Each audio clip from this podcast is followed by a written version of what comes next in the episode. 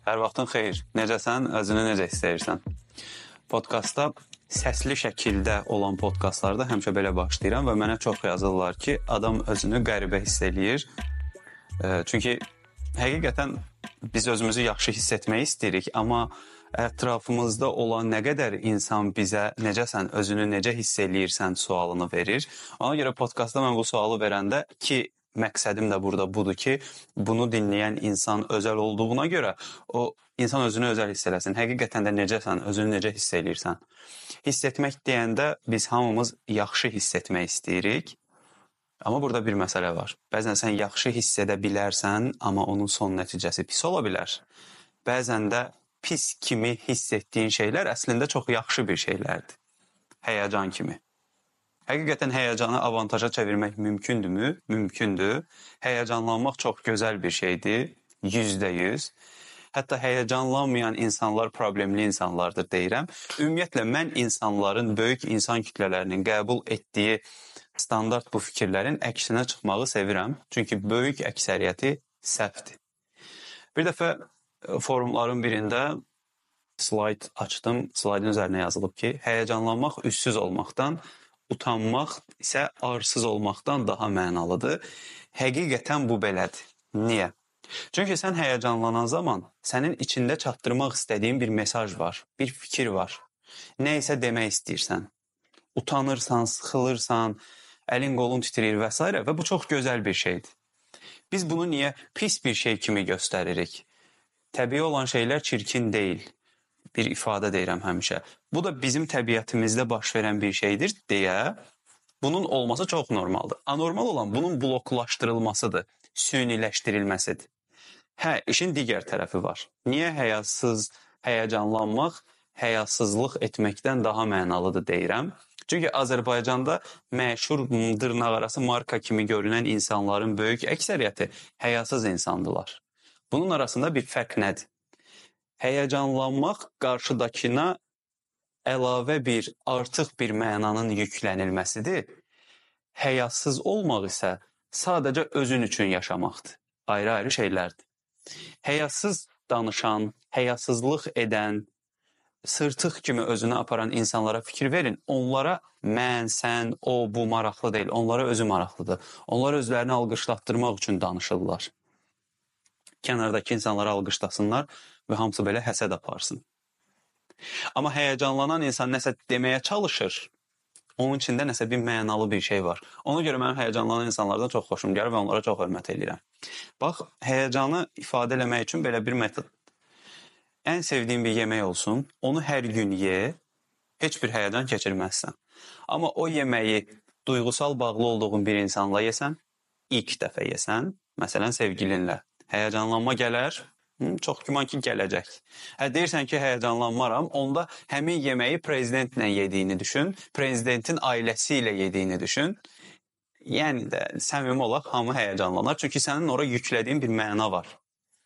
Məsələ isə onu bloklamaq, o mənalı bir şeyi bloklamaq deyil. Məsələ o həyəcanı necə idarə edəcəyindir. Ona görə özündə olan həyəcanı məhv etməyi düşünməyə əvəzinə bunu necə idarə edə bilərəm düşünsən, daha effektiv nəticə olar deyə düşünürəm. Həm düşünürəm, həm də özüm də tətbiq edirəm. Yəni inanırsınız ki, mən bu qədər auditoriyada danışıram, bu qədər insanlar tanıyır, bu qədər işlər görürəm, amma mənim içərisində içimdə bir utanmaq var, bir həyəcanlanmaq var və bu çox gözəl bir şeydir. Bunun üçün birinci məsələ mindsetdir, düşüncə sistemi. Mən beynimdə mən həyəcanlanmamalıyam. Niyə Orxan sən beləsən, bu qədər təcrübəm var, yanaşması eləmirəm. Mən deyirəm ki, həyəcanlanıram, səsim titrəyəcək, maraqlı bir şey fikirləşəcəm, auditoriya ilə danışacağam və bu təbii alınacaq.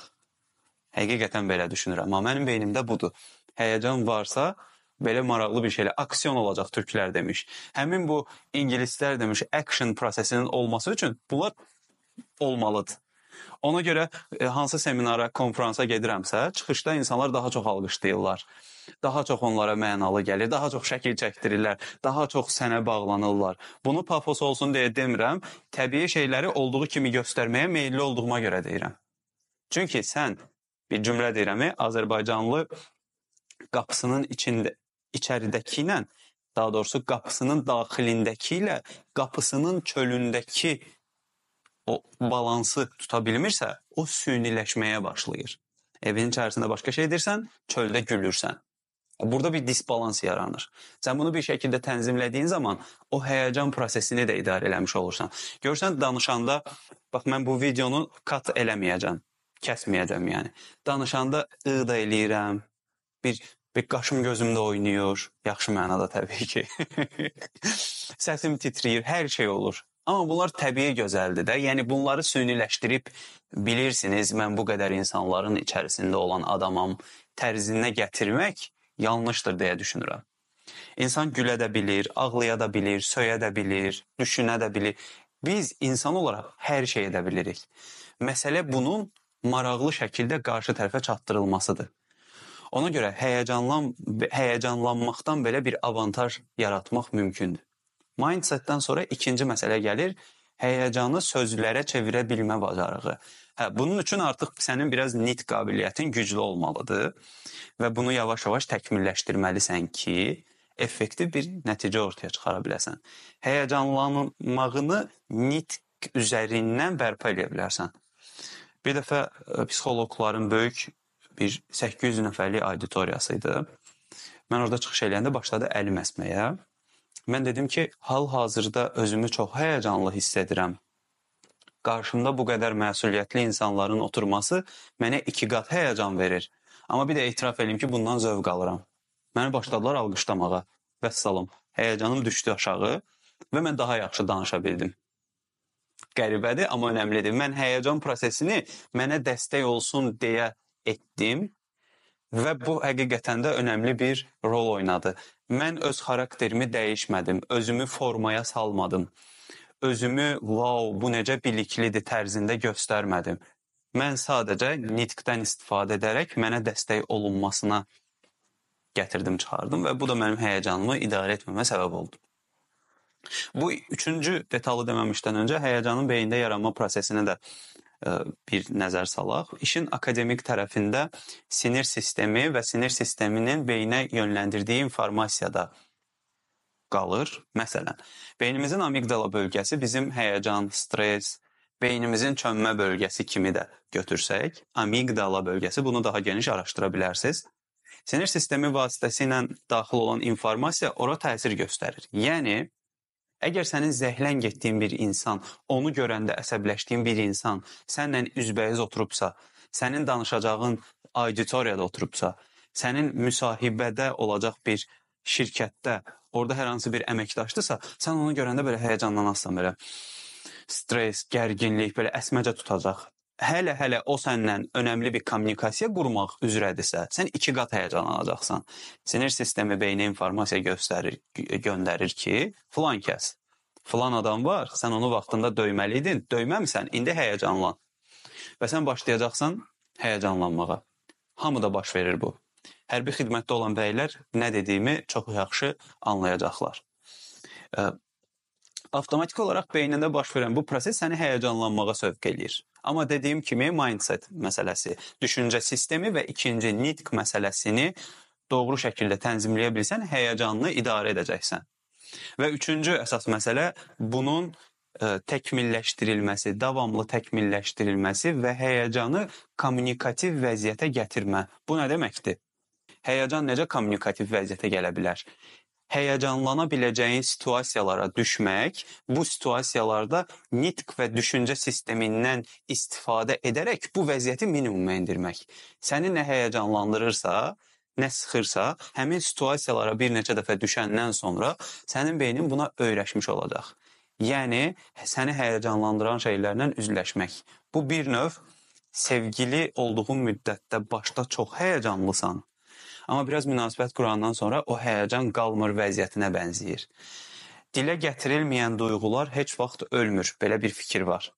Sənin duyğuların davamlı olaraq dilə gətirildiyi zaman əvvəlki o gərginlik, narahatlıq səviyyəsi aşağı düşməyə başlayır.